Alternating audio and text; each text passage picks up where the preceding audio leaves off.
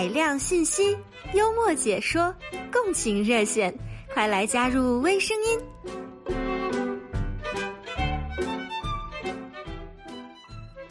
听众朋友，早上好，欢迎收听每周四给您带来欢乐的微声音，也给大家再拜个年，因为这个农历新年还没有过完哈，俊杰。刚刚大年初六。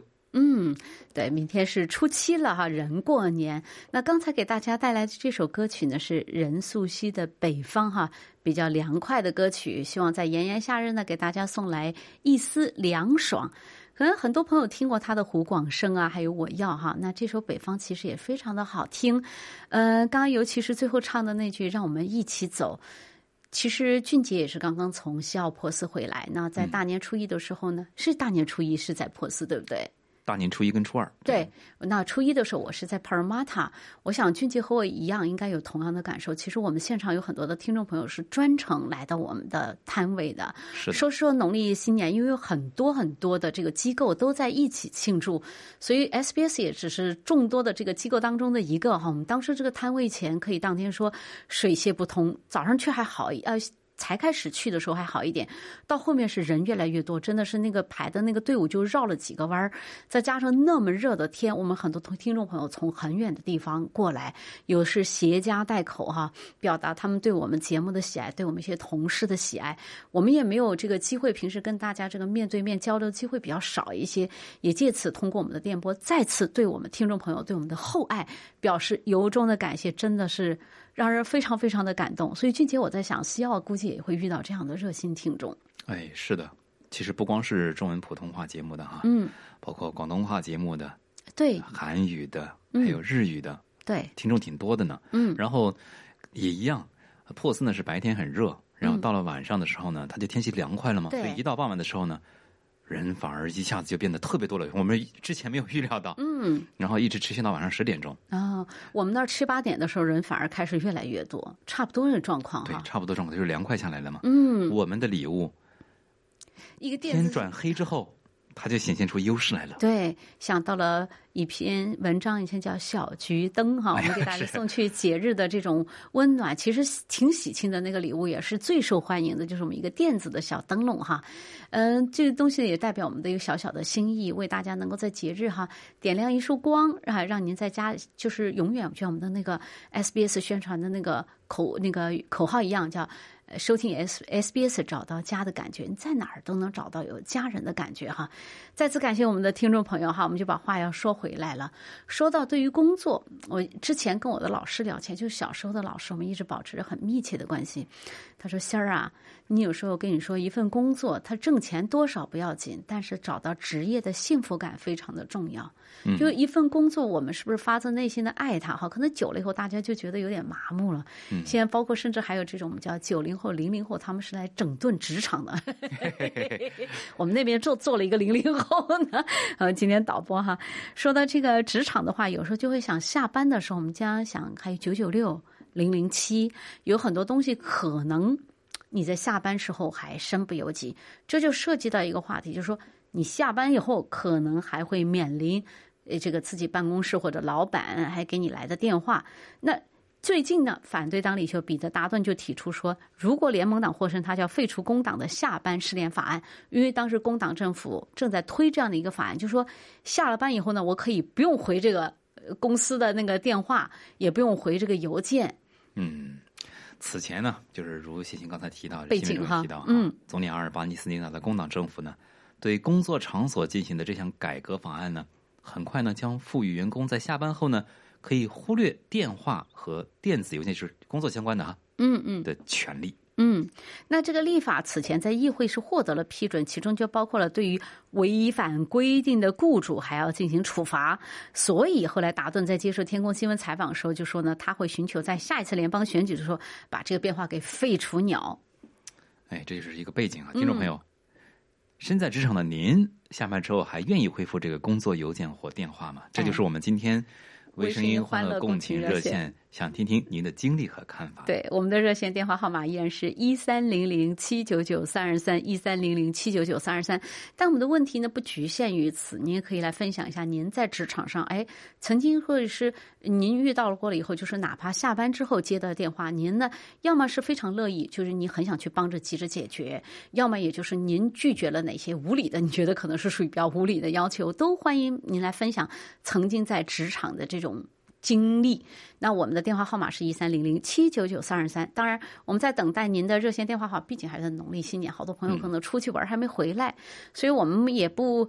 太敢指望把这个电话热线今天会有很多听众朋友来参与哈，我但是我们呢是保持一个开放的一个状态，就是我们的热线电话号码是开通的，依然也为大家准备了很多这个有意思的、有趣的新闻资讯来跟大家分享。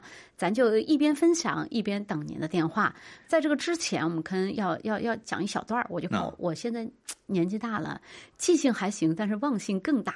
就提到这个职场回电话的问题，像以前曾经在这个。嗯，以医疗系统待过哈，啊，但凡你遇到晚上，比如说在血库有急需有人大出血要配血的时候，那当然有晚上值班的。这种时候，你叫你不去，你都是心慌的。然后你比如说晚上给人家配完血，你今天晚上一晚上都是失眠的，因为你怕出篓子。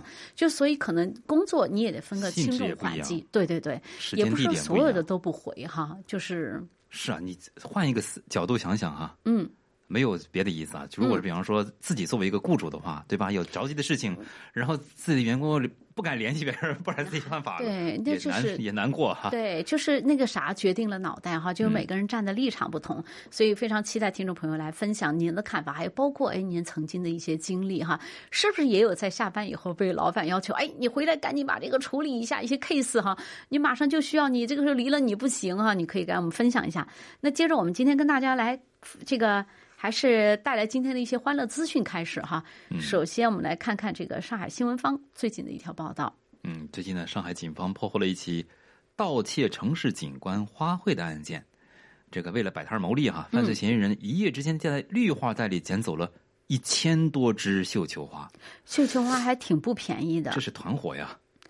是一个人？我看看是团伙还是人啊？那监控画面就显示。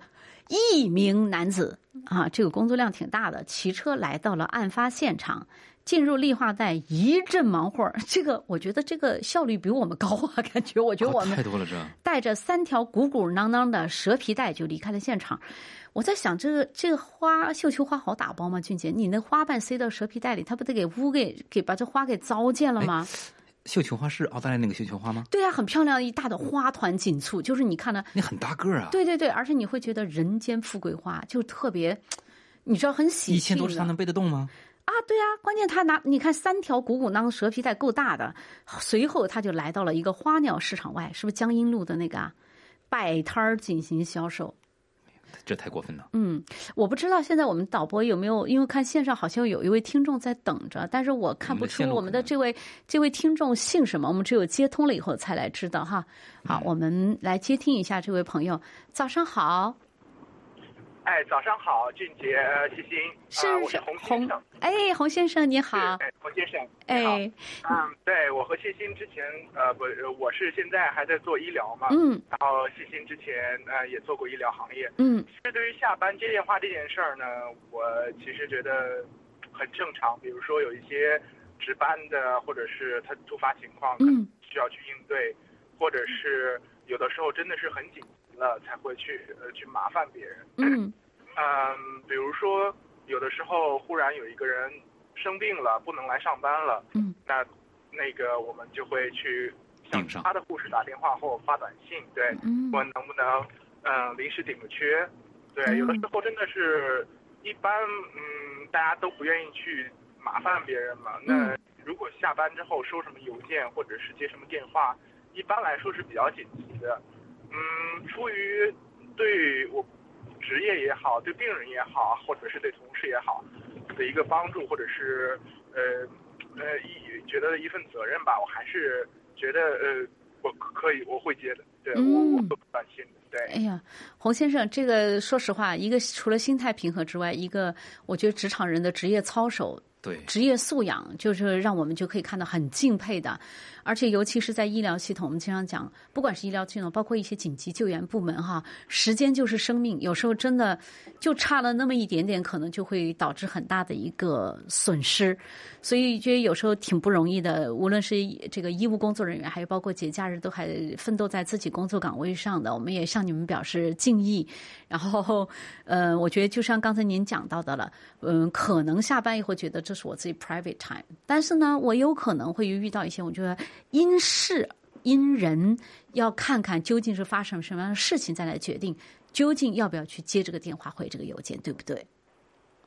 呃，其实，在嗯，在在这个接听电话之前，或者是回短信之前，我也不知道发生了什么。嗯，但我知道他们一定是嗯没有办法解决，才会给我打电话或者是发短信。嗯，但是我觉得很多时候，一般情况下，当然。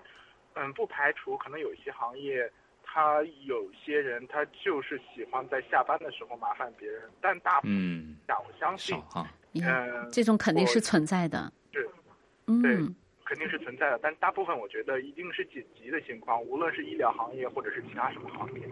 所以，呃，我其实能理解，因为大家毕竟休息时间还是希望，嗯，不被打扰哈，不被打扰，嗯，对，呃，特别是从工作中抽离出来。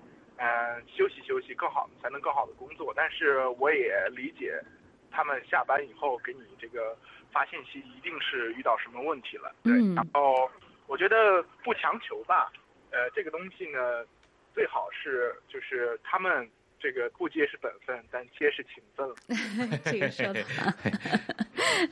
是是是，而且我觉得可能就像你讲到了，也难免可能会遇到，就是有的就喜欢在下班后来联系的，也并不是很紧急。估计就是为了杜绝这种 下班之后开始开会的这种。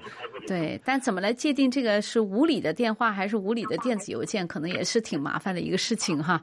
也看看到时候政府会拿出一些什么样的那个鉴定的方鉴别的方法，呃，可以让大家呢，就是从。雇员和雇主两方面呢都能觉得可以比较接受，哈，这个其实还是比较难的。呃，谢谢洪先生，是节假日还在上班吧？我觉得好像医疗工作也是没有这个节假日一说，感觉。是的，是的，不过为人民服务嘛。啊，那祝各位新年快乐了。哎，你也是，工作顺利谢谢洪先生哈。呃，祝您这个新年快乐。如果我们到时候南澳将来有活动的话，也欢迎到现场跟我们来见一面。对，将来新年驾车几百公里哈。嗯嗯，对，好的，谢谢洪先生，您注意驾驶啊。嗯，好嘞。哎，好的，好，拜拜。再见。哎。啊，也再次温馨的提醒大家，昨天因为路上也看到了一起很惨烈的车祸，在悉尼哈，一定要小心的这个驾驶。有时候我们在讲，可能你们这个事情没有发生的时候，你就觉得哈自己会大意了。有时候觉得自己我老司机了嘛，技术挺好的，就有点飘了。但是往往飘的时候，可能咱就注意这个，就要要。警惕了哈，车祸猛于虎也。就有时候，特别是在这种逢年过节的，不任何时候都不应该安全放在第一。如果遇到有人呢，尤其是路怒，我们以前也讨论过，遇到有人要加你的塞儿，让他塞；让他超你的车，让他超。遇到这个不安全驾驶的，咱就多跟他保持点这个距离哈。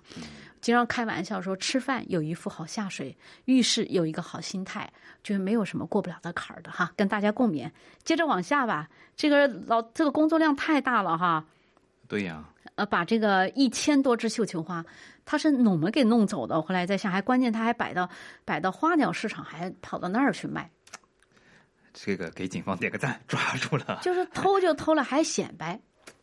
不是显摆，他赚钱，这是太恶劣了哈，对吧？哎，好，我们接着往下看哈，在辽宁的葫芦岛有一个卡车司机呢，因为长期时间驾驶，我们就疲劳驾驶。嗯，这个时候，但是人家住挺注意的，还觉得是有点累，他就把车停到路边，赶紧停起来了，就是在那个驾驶室里呢，准备躲一会儿。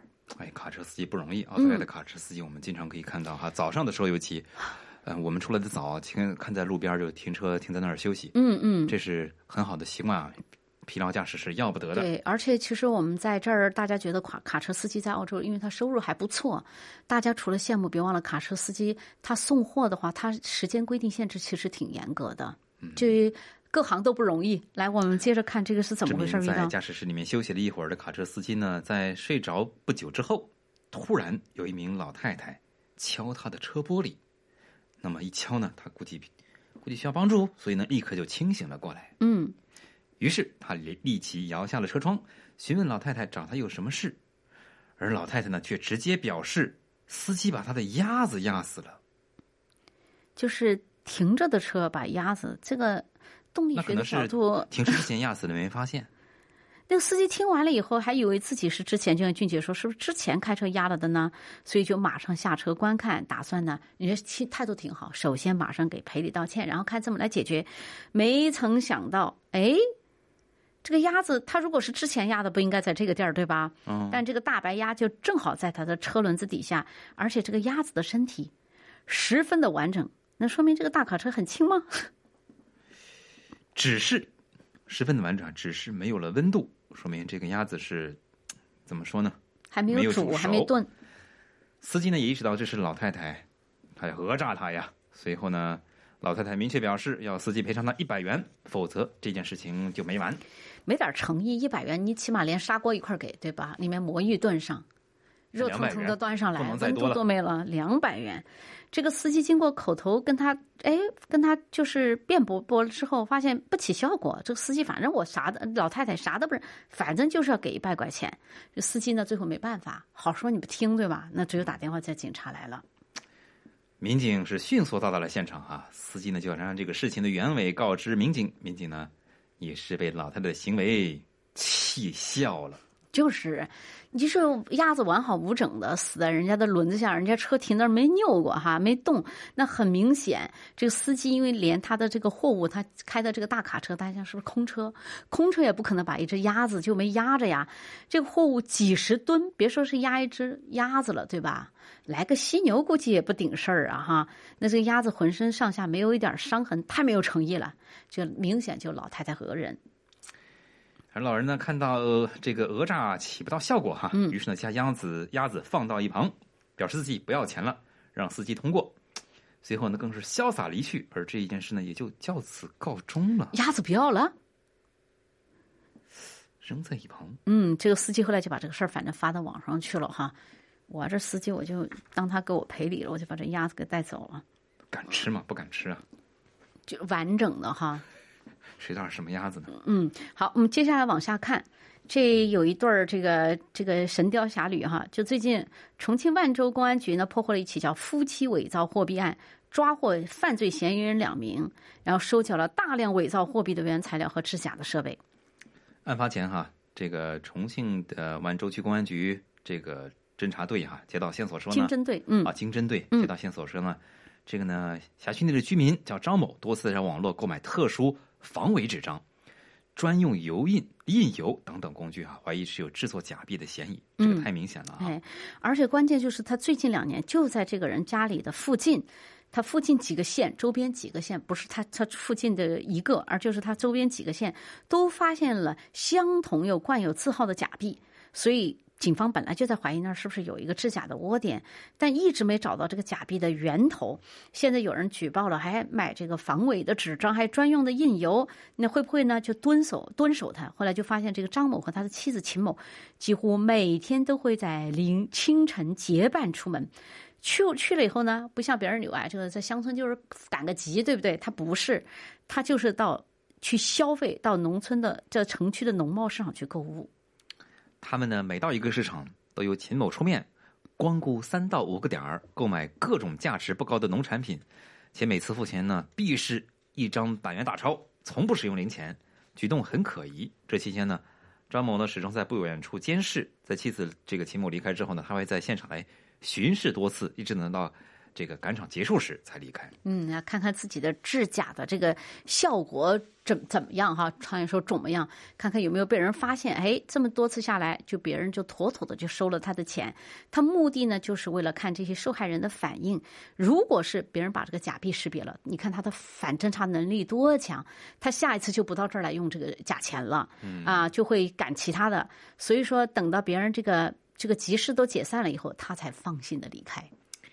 经经过警方数日追踪之后呢，这个获取了不少假币的样张啊。经过检测呢，确定是同一冠字号。那么对假币的这个分析判研呢，研判哈，明确其为电脑打印的。之后呢，经过二次加工，制作工序多，工艺复杂呢，确实你这以假乱真的话，必须得。这挺厉害的，这是自学成才，这俩人都没有之前的经验，没有在印刷厂啊，包括其他做过。关键他们最后还用了一道工序，就是锉锉刀的那个锉，因为这个币你知道，它钱摸起来并不是说平的，它是哎对，它是有立体感、凹凸有致的，所以它是强化了这这个来强化那个纸币的凹凸感，增加假币的仿真度。你说下了多少功夫？哎呀，这个把我逗乐了，他这个错错过了这个。职业发展的这个黄金期了，是吗？把把这个用功的地方用用错了，嗯。最终，民警历时两个多月，走访上百名受害者之后呢，终于彻底摸清了这个嫌疑人作案的手法和窝点。坐实了犯罪事实，实施了抓捕。嗯，突袭了他们自己的个家，当场就把这两个人给抓了，然后发现了伪造货币的原材料若干，据说打印机两台，电脑两台，所以这个家庭作坊作坊式的那个作坊式的这个假币伪造窝点就被给端掉了。结果一查才知道，他俩其实从二零一八年就开始在家里制造大量的假币，这是。这个经验是相当的丰富，已经这么多年了哈，真是智慧用错了地方啊！嗯，所以你看啊，他们每天清晨去各个那个乡镇嘛，城区的菜场花他那个钱，而且关键这个坏在哪儿？专门把这个钱花给那些辨别能力的，或者是那个这个，或者说看这个老年人像。穿着就是不像受过很高教育，他这样子好骗人家，专门找老年人下手，又使用这个假币，而且几乎把这个万州所有的乡镇、乡镇，据说是这个城区的农贸市场，哎，还周边的这几个县，什么中县、云阳啊，都跑遍了去用假币，总共两人花去了五十多万的假币花出去。哎呀，说到这样的太坏了哈，太气人了哈。嗯，就专门拿这个老年人来。后来两个人交代，他们完全印钞术是两个人钻研自学成功的，每天印三五张，然后鸡叫就出门去干活去了哈，也是很努力啊。好，因为时间的关系，我们今天在这跟大家要说再见了。再次祝大家新年快乐，我是谢欣，感谢您在牵扯的陪伴，我是刘俊杰。明天同一时间仍然与您准时相约。